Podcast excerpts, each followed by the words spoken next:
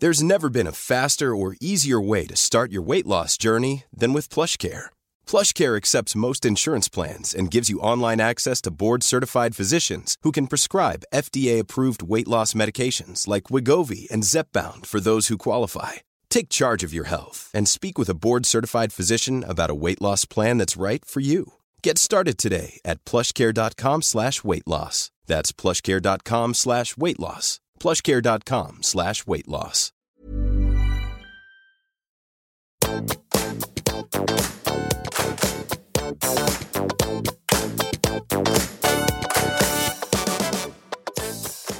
Hei, alle sammen, og velkommen tilbake til podkasten Karriereveiledning med Elaine. Ukens episode er litt sånn tradisjonell, i motsetning til en del av de andre episodene. Det har jo både vært spiritualitet, det har vært sorg, det har vært Ja, hva er det det ikke har vært på denne podkasten her? Håndtere overganger og alt innimellom. Um, men den her heter 'Ti kjappe om CV og søknad'. Og hvis du virkelig har lyst til å dypdykke, så kan du gå helt tilbake i eh, til begynnelsen av podkasten i arkivet, sånn episode 2, 3 og 4. Der er det sånn utførlig om skriv en god CV, søknad, håndtere intervju. Karrieretips med Lane, altså en YouTube-kanal jeg har, hvor det ligger gratis content. Og så ligger det en del på hjemmesiden min også, på lanebloom.no. Men hør nå, det kommer også en skikkelig viktig bonus på slutten av episoden. Så la oss bare fyre løs. Veldig ofte så snakker man om sånn skal CV-en se ut, og dette må da med i søknaden. Je, je, je. Vi kommer dit. Men det er noe vi må starte med først. Og det handler om å forstå litt sånn eh, Hvor er du i prosessen? Altså hvor er du i situasjonen? Er det sånn at du har mista jobben? Er det sånn at du har valgt å gå videre? For det å f.eks. miste jobben eller velge å gå videre, det er jo to helt forskjellige ting. Og det gjør ofte noe med situasjon og kontekst man står i, og hvordan man kanskje ser på mulighetene, ser på seg selv. Ja, det kan rett og slett påvirke både hvordan vi behandler oss selv, og hva vi tenker om arbeidsmarkedet. Og kanskje det kan handle litt om hva slags opplevelse og verdi vi har også. Kommer selvfølgelig an på hvordan samtalen med lederen har gått, eller hvordan man har mistet jobben eller blitt nedbemanna. Det kan jo til og med være at du er syk eller har vært syk. Det kan være at det er noe som handler om permisjon, eller andre ting som gjør at du nå skal bytte jobb eller da inn på arbeidsmarkedet. Så pri 1, sett av tid til å rett og slett bare sjekke inn hvordan er det med det mentale. Hvordan står det til? Eh, hvordan står det til med følelsene dine? Hvor er du hen? Kan du kjenne etter? Er det ok? Er du lei deg? Er du sint? Er du forbanna? Eh, hvor står du der? Hvordan er det med det fysiske? Eh, drikker du nok vann? Beveger du deg noe? Får du i deg ok næringsrik mat? Ja, sånne ting som handler om å bare stoppe opp litt og kjenne etter Oi. Og så er det en dimensjon også som handler om det spirituelle. For noen så er det Gud, for andre så er det å være i naturen, for noen så er det å sitte i seg selv og meditere. Hvordan du definerer disse ulike pilarene, det er opp til deg. Men jeg gjorde et studie eller en forskning en gang i 2018 som handla om hvor 83% som sto i jobbsøkerprosess eller skulle bytte jobb inn på arbeidsmarkedet, de opplevde å ikke ha fått hjelp. Og det er jo ganske interessant når man har fått eh, karriereveiledning over tid. Eller i hvert fall så var kriteriet sånn minimum to ganger.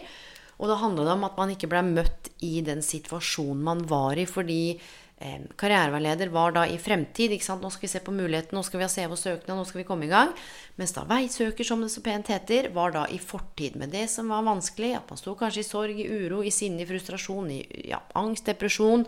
Eh, ting som også kan eh, ja, henge med innenfor dette med karriere og jobbsøk. Så det handla om at man ikke klarte å møte hverandre i tid, og det er jo selvfølgelig da bl.a. karriereveileder sitt ansvar, men dette er jo ikke så veldig lett å vite. Så ti kjappe om CV og søknad. Pri 1. Hvor er du eh, på det kognitive, spirituelle, emosjonelle og det fysiske? Og hvor er det du befinner deg i tid? Er du hele tiden i fremtiden og tenker på at alt kan bli bedre, eller hvordan alt er forferdelig nå, og det kanskje aldri kommer til å bli bedre? Hvor er du hen? Fordi hodet vårt spinner mellom fortid og fremtid, og i fremtid så kan vi skape masse fantastiske scenarioer hvor du både finner jobben du ønsker deg, og alt ordner seg, men du kan også sitte og lytte her og nå og tenke Why me? Dette kommer aldri til å gå. Hvorfor får alle andre det til? Nå har jeg fått 100 avslag. Så vær litt bevisst på hvor du er i tid, om du er i fremtiden, eller om du henger igjen i fortiden med alt som ikke var bra, eller kanskje alt som var bra. Så du kjenner på tap av identitet, tilhørighet og alt det du kanskje havner på den gamle arbeidsplassen f.eks. Og selv om du også har valgt å si opp, så vet du jo da ikke helt hva du går til. Så Elaine Bloom, fatter i korthet. Ja, jeg kan det, men så kjenner jeg samtidig ti kjappe. Men dere må jo ha litt kontekst her. Så finn ut hvor du er i tid, hvordan du har det, og ikke minst hva er det du trenger? Pri 1. Før du hele tatt begynner å skrible ned på en eller annen CV-søknad. Eller du kan jo selvfølgelig gjøre det òg, men dette her gjør hele prosessen litt mer spennende. Um, og litt mer nysgjerrig. Altså litt mer, Vær litt nysgjerrig på deg sjøl. Det gjør det litt mer spennende, og så kan du gjøre det litt mer kreativt. Nummer to vit hva du kan bli kjent med kompetansen din. Sier sånn Ja, men jeg har jo bare jobba der i 20 år. Jeg er bare 19. Jeg har bare gjort sånn. Du, jeg er ikke ute etter at du bare har gjort det. Jeg er ute etter fortell. La meg gjøre et karriereintervju av deg. Et karriereportrett. Oi, når du jobba der med renhold, hva er det du lærte da? Hvem er det du vaska for? Når vaska du? Å ja, du sto opp tidlig, du kom aldri for seint. Oi, ja, blei du kjent med mye folk i den avdelingen? Ja, hva lærte du da? Ah, kommunikasjon og relasjoner. Spennende. Ok, du har yrkesstolthet, så du veit at hvis ikke du vaska, så hadde det blitt helt kaos. Du er faktisk en av de viktigste jobbene i samfunnet, du. Hm, ok, fortell. Fortell hva mer gjorde du etter det? Ok, du har gått på den skolen, ja. Tatt den sertifiseringen, eller tatt det yrkesfagbrevet. Ok, du, hva lærte du? Hvem blei du på veien? Hva ønsker du å bruke det til? Hva har du gjort utenom stillingsinstruksen din? Se på kompetansen din og tenk hva har du av papirer? Hva er det du har av livets skole? Altså Har du vært syk? Har du tatt vare på noen som ikke har hatt det bra? Hobbyer, interesser, språk, kultur? Har du jobba i en stor bedrift, liten bedrift? Vær litt nysgjerrig på deg sjøl. Selv om du har jobba et sted i 20 år, så har du vel ikke sittet og trykka på den samme knappen i 20 år. Og om du så har gjort det, så har du forhåpentligvis da kanskje bytta leder og hatt en eller annen kollega som har rotert med deg, som har gitt deg noe. Så eh, vi er så flinke til å begrense oss sjøl. Så her, bare få ned alt du har papirer på alt du kjenner til av livets skole, altså street life, ting du har lært som du ikke har papirer på, så få ned hvilke sterke sider du har. Hva er det du er god på? Hva er det du liker å gjøre? Hva er på en måte styrkene dine? Og hvis du er helt blank her, snakk med noen, da. Send en mail til kollegaene dine, snakk med partneren din, vennene dine. Og du be konkret om bare to eller tre ting. Det kan jo være at du blir plutselig bevisst at alle kommer til deg fordi du er en så god lytter, eller du er en hen som alltid ordner opp, eller ja, Rett og slett bare snakk med folk rundt deg. Det er jo ofte sånn at selvoppfattelsen vår handler jo om hva vi tenker og mener og tror og føler om oss selv, men også litt hva andre tenker og mener og føler og tror om oss. Så hvis folk kommer med noe som du er ikke helt enig i, så du, kjenn på det òg. Men her handler det også om å finne de positive sidene. Og ikke minst ta en avsjekk på sant, verdiene dine. Hva er det som er viktig for deg? Hva er det du på en måte trenger skal være på plass som en grunnmur når du jobber i et selskap? Hva er på en måte liksom det moralske kompasset ditt, og hva er det du kjenner er viktig? Er det samarbeid? Er det å få lov til å prestere? Er det å få lov til å bry deg og ta ansvar? Er det, ikke sant? Hva er det som er viktig for deg? Er det frihet? Er det trygghet? Så titt litt på disse tingene. For det tredje, før man kommer i gang med og søknad, ha et lite dobbeltblikk på jobbidentiteten din. Og det er jo akkurat det som har vært poenget med bl.a. den første delen, som handler om sånn hvor er du i prosess. Eh, det kan være at noen av verdiene dine har endra seg. Det kan godt være at du er på vei til eller er en transformasjon. Du er på vei til å kanskje bli en litt annen. Det er noen deler av identiteten din. Jeg har vært hun eller han som har jobbet, eller hen som har jobbet i service, i salg som leder, nå har jeg lyst til å bevege meg fra en lederstilling til noe annet, ja, da må du kanskje gi slipp på noe for å få noe annet. Så se om du kan begynne å skape deg en sånn slags jobbidentitet. Hvem er du, hva kan du, hva vil du? Og tenke både hva er det jeg trenger, og hva vil jeg bidra med? Hva er det jeg er opptatt av å engasjere meg? Hva er det som motiverer meg? Og hva er det verden, samfunnet, my community, de rundt meg trenger? Hva er det jeg har lyst til? Hvor er det jeg har lyst til å utgjøre en forskjell? Veldig mange sitter ofte bare på Finn og Nav og tenker sånn åh, dette er ikke noe for meg. Åh. Du, du skal like mye finne et sted du har lyst til å jobbe. Du skal like mye gå på en intervju og tenke sånn Hei, vil jeg jobbe her? Altså fortjener dere meg også? Og her er det noe med å få utvikla den jobbidentiteten, sånn at ikke du bare søker på alle mulige stillinger. Da har man kommet så langt bort fra kjernen av seg sjøl. Så finn kanskje to-tre retninger hvor du kan kjenne at du her er det noe du har lyst til å bidra med. For det fjerde så er det sånn at en del selskaper nå tester ut eh, at man ikke trenger å ha en CV. Du må heller svare på noen nøkkelspørsmål som bedriften har sendt ut. Men dog, skal du ha en CV, så tenker jeg Google it. Det fins masse forskjellige maler. Finn en mal du liker. Hele poenget med en CV det handler jo nettopp om altså curriculum vitae, det som har vært, og få fram det du har gjort. Så det er jo en slags sånn Dette er det jeg har gjort hittil. Og så får du vurdere hva som er mest relevant. ikke sant? EDB-kortet fra 1982, eller at du vant bowlingmesterskapet i eh, ja, oppe i Gloppen eh, i 1995. Det kan godt være at det er relevant, men da må du i hvert fall sørge for å få fram det i en søknad, sånn at CV-en og søknaden henger sammen. Finn en mal du liker, og bare tenk over har du akkurat tatt noe utdanning som er rundt innenfor den bransjen og retningen du kanskje ønsker deg. Da kan det være lurt å ha det på toppen, ikke la det liksom komme nederst på side to. Er det sånn at utdanning ikke er mest relevant, men er mer du har kanskje jobbet frivillig, relevant arbeidserfaring eller relevant erfaring generelt, du, så få det med på toppen. For man leser jo på en måte ofte CV-en fra toppen og ned.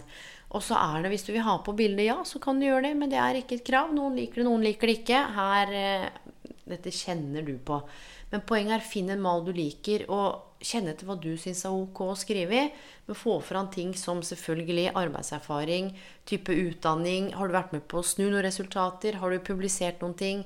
Har du vært i noen permisjon? Eller Har du hatt noe opphold? Vært ute og reist? Har du noe opphold i CV-en, så bare skriv en eller to setninger om det. Ikke la det stå blankt. Da kan du skrive 'mammaperm', 'tok meg et friår for å lære meg å strikke', 'hadde en tøff periode', um, 'har lært mye om meg selv', og er klar også til å ta med meg disse viktige kompetansene ut i arbeidslivet. Så det er veldig kort om den biten der med malen. Har jeg liksom bare skyte inn Her kan du velge om du vil sette på referanser, men da bør du i alle fall eh, sørge for at du veit hva referansene sier om deg, og de må vite at de er satt opp som referanser, sånn at ikke referansene dine bare får 50 telefonsamtaler hvis du sender ut masse eh, CV-er og søknader. Så du kan også ha oppgis på forespørsel, men dette her finner du ut av selv. Så kommer vi til den biten da som handler om eh, søknad. Og der er det også skjedd noen endringer nå. Husk at nå er det jo mye som går gjennom LinkedIn, det er eh, Facebook, det er apper. Så sånn som man tenkte på jobbsøk for ti, kanskje bare sju år siden, mye har endra seg. Eh, men hvis vi går litt sånn tilbake til det tradisjonelle type sånn søknadsbrevet, så handler det om at du kan ha en åpen søknad. Altså du kan plukke deg topp fem bedrifter som du har lyst til å jobbe for, og se ikke sant, hva er det med historien der, verdien, visjonene, hvor er det organisasjonen er plassert, er det globalt, hva er det de jobber med, er det fair trade, er det noe bærekraft, er det sosial rettferdighet, mm, hva er det jeg kan gjøre her, hva er det jeg kan bidra med, hvordan passer kompetansen min inn. Så det er én måte um, å søke jobb på med en åpen en søknad, hvor du enten banker på døra eller sender den av gårde. Men da er det noe med å ha et lite sånn blikk på den jobbidentiteten sin. Eller så kan du selvfølgelig sende en målretta søknad hvor det ligger en stilling ute. Og da er jo hele nøkkelen Dette har dere hørt eh, sikkert uendelig med ganger. Bare les eh, annonsen nøye. Og her kommer rosinen i pølsa. 98% av tida, hvis du ser på brødteksten øverst før man helt tatt kommer i gang med alle krav og forventninger og så har de skrevet om seg selv og hvorfor de er på jakt etter en kandidat. Så det kan være at vi er i vekst. Vi har utviklet sånn og sånn, og nå vil vi fortsette suksessen. Vi trenger noen som skal inn der. Der finner du sjukt mye informasjon som du kan svare på og bruke og flette inn i søknaden. Så for all del, ja, eh, lytt til råd og svar på det de spør etter. ikke sant? Er du det, har du det? Og skill på om du må ha krav, eller om det er ønskede kvalifikasjoner. Men hele poenget er se på den brødteksten. Hvorfor skal de ansette noen, tror du? Hvordan er altså, organisasjonen strategisk plassert i forhold til kunder, samarbeidspartnere og ikke minst rollen din? Er du i frontlinja? Er du backoffice? Sitter du midt i en ledergruppe? Skal du ha noe med folk å gjøre eller ikke? Les mellom linjene, vil jeg si. Mer enn sånn les nøye hva som står der. Ja, men les også mellom linjene. Og hvis det er noe som er uklart, så slå på tråden. Men da ikke spør 'hei, hva er lønna', og 'hva er arbeidstidene'? Da spør du faktisk om noe du lurer på. Det kan være at du har behov for å få prioritert de viktigste arbeidsoppgavene fordi det er lista åtte arbeidsoppgaver der. Eller det kan være at du har behov for å Kanskje det er en lederrolle eller noe som gjør at du er interessert i å vite liksom topp tre egenskaper de ser etter. Så det neste punktet det handler jo da selvfølgelig om å bruke denne informasjonen fra telefonsamtalen eller som du har liksom klart å, å, å, tolke fra annonsen, som er et slags verktøy. De forteller deg hva du er ute etter, så skal du være den matchen, så du får spissa budskapet ditt. Og det betyr at det er ikke nok å si 'Hei, jeg har sju års erfaring her. Jeg har en mastergrad fra dette. Jeg har gjort dette i syv år.'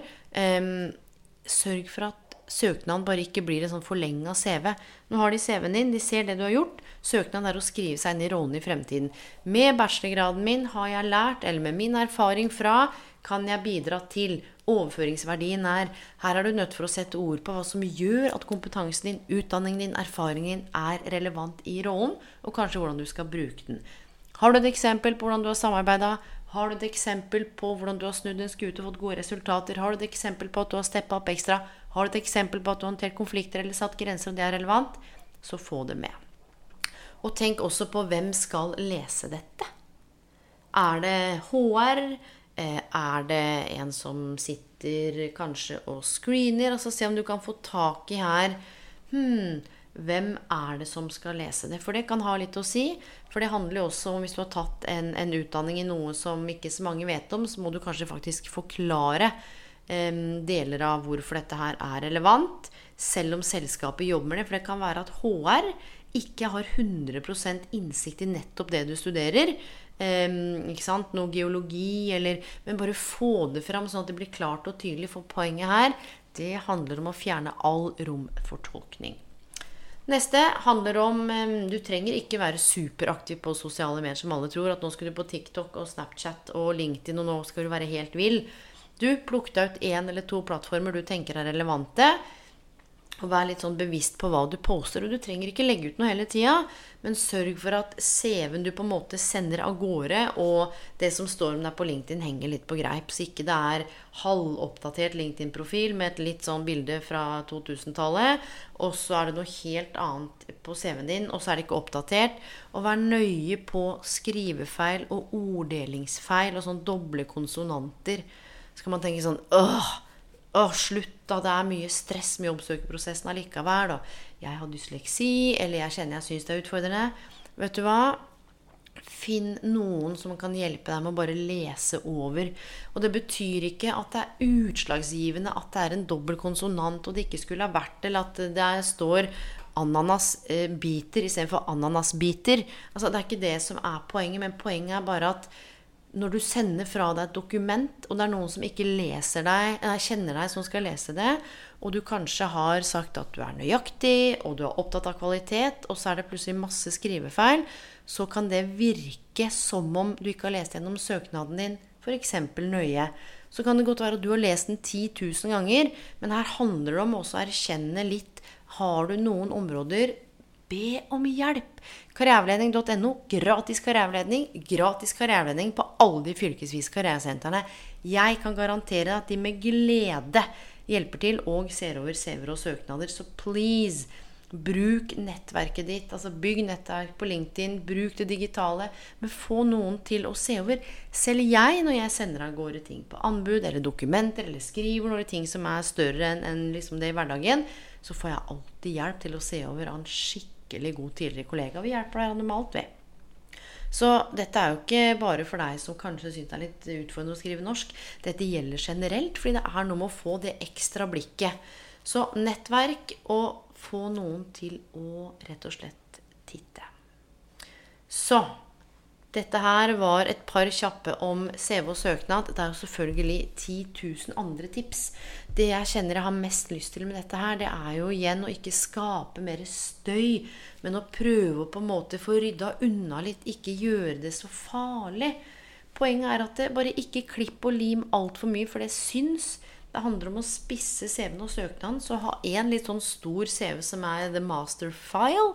Og så kan du spisse CV-en din og nøkkelkvalifikasjonene dine litt sånn til det som er relevant. Så søker du på jobb som lærer, så kan det godt være noe med det didaktiske, med det pedagogiske, med det undervisningsaktige. Skal det være noe innenfor service, så kanskje det kan handle om igjen kommunikasjon og mennesker, relasjoner og takle stress, men på en litt annen måte.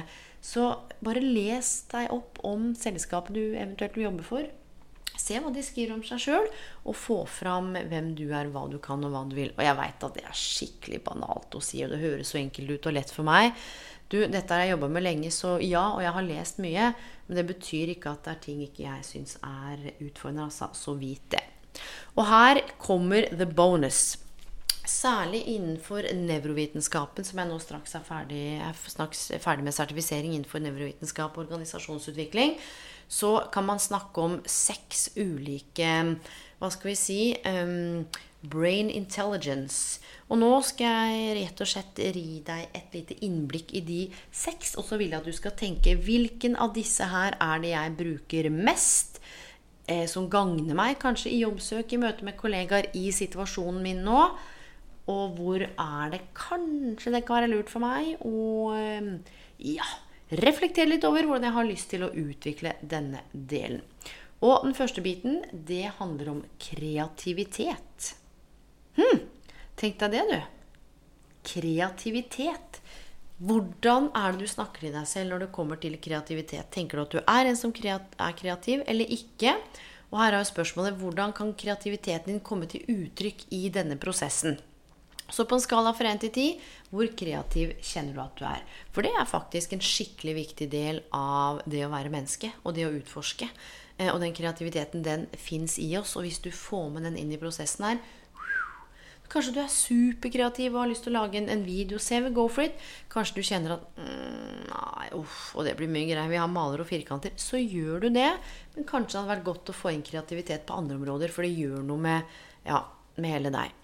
Nummer to, det handler om så, Nummer én er creativity. Nummer to er emotions. Følelsene dine. Hvordan er du på å regulere og regulere egne følelser? Er det sånn at du plutselig får lyst til å gråte, så gråter du? Er det sånn at du plutselig blir kjempesint, og da bare fyrer du på alle kollegaene? Er det sånn at du kan sette ord på de ulike følelsene dine? For det var gjort en forskning, nå husker jeg ikke helt hvem som hadde gjort det, men det var sånn Ok, nå skal dere Forskningsgruppen skulle sette ord på følelsene sine. Da var det sånn uh, joy, anger og sadness. Man kunne på en måte label eller sette ord på tre følelser. Um, og så tenker jeg vi har jo litt mer følelser enn det, og det var jo det som kom fram fra det studioet. Så du, hvordan, hvordan, er du akkurat nå? Hva føler du akkurat nå? Eller kanskje før du um, hørte på? Føler du deg eh, glad? Føler du deg litt redd? Alene? Trygg? Sterk? Trist? Sint? Rasende? Usikker? Hva mer? Hvilke følelser er det du har?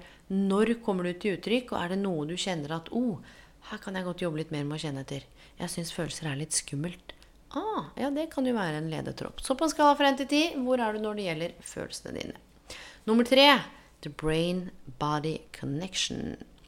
Og det handler jo selvfølgelig om å kjenne etter sånn Hvor i kroppen er det f.eks.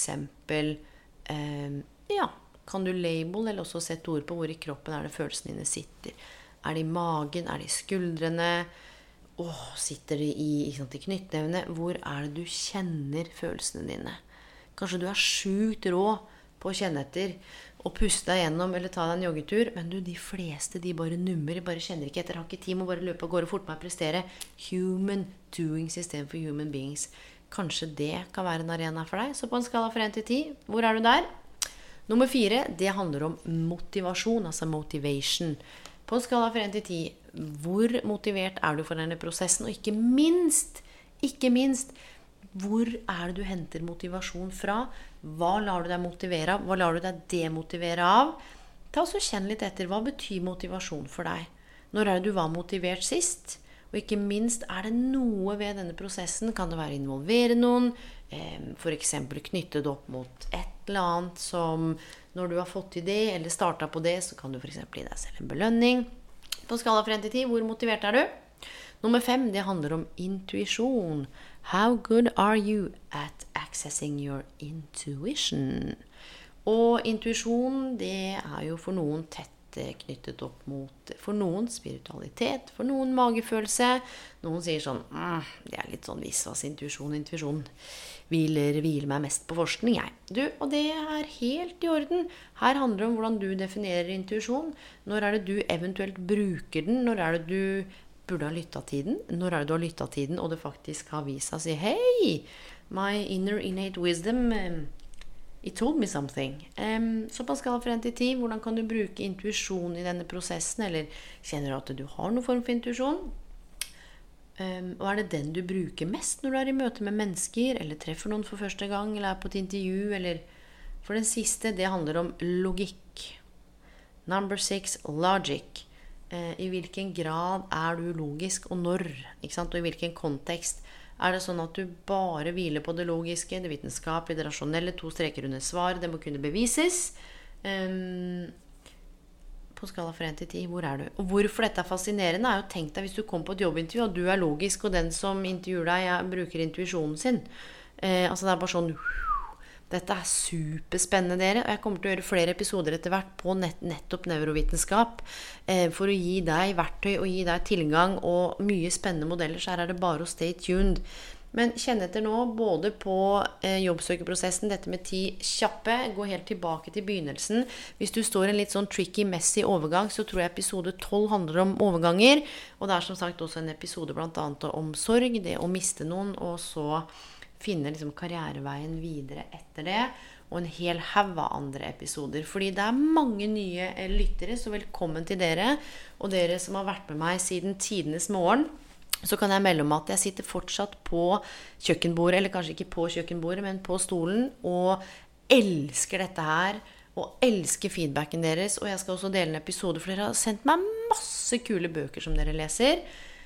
Så tusen takk for at du lytter. Tusen takk for at du har lytta. Tusen takk til deg som er ny. Hvor enn du er i verden, god kveld, god natt, og ikke minst på gjenhør om ikke så altfor lenge. My business used to be weighed down by the complexities of in person payments. Then, Tap to Pay on iPhone and Stripe came along and changed everything. With Tap to Pay on iPhone and Stripe, I streamline my payment process effortlessly. Now I can accept in person, contactless payments right from my iPhone. No extra hardware required. What's truly remarkable is how I can cater to all of my customers' payment preferences. Whether they're using cards, Apple Pay, or other digital wallets, Tap to Pay on iPhone and Stripe ensure a smooth checkout experience every time. And it's not just me. Stripe helps businesses of all sizes, from local markets to global retailers, scale quickly and stay agile. To learn how Tap to Pay on iPhone and Stripe can help grow your revenue and reach, visit stripe.com/tapiphone. Hold up. What was that? Boring. No flavor. That was as bad as those leftovers you ate all week. Kiki Palmer here, and it's time to say hello to something fresh and guilt-free. Hello Fresh. Jazz up dinner with pecan-crusted chicken or garlic butter shrimp scampi. Now that's music to my mouth. Hello Fresh. Let's get this dinner party started. Discover all the delicious possibilities at hellofresh.com.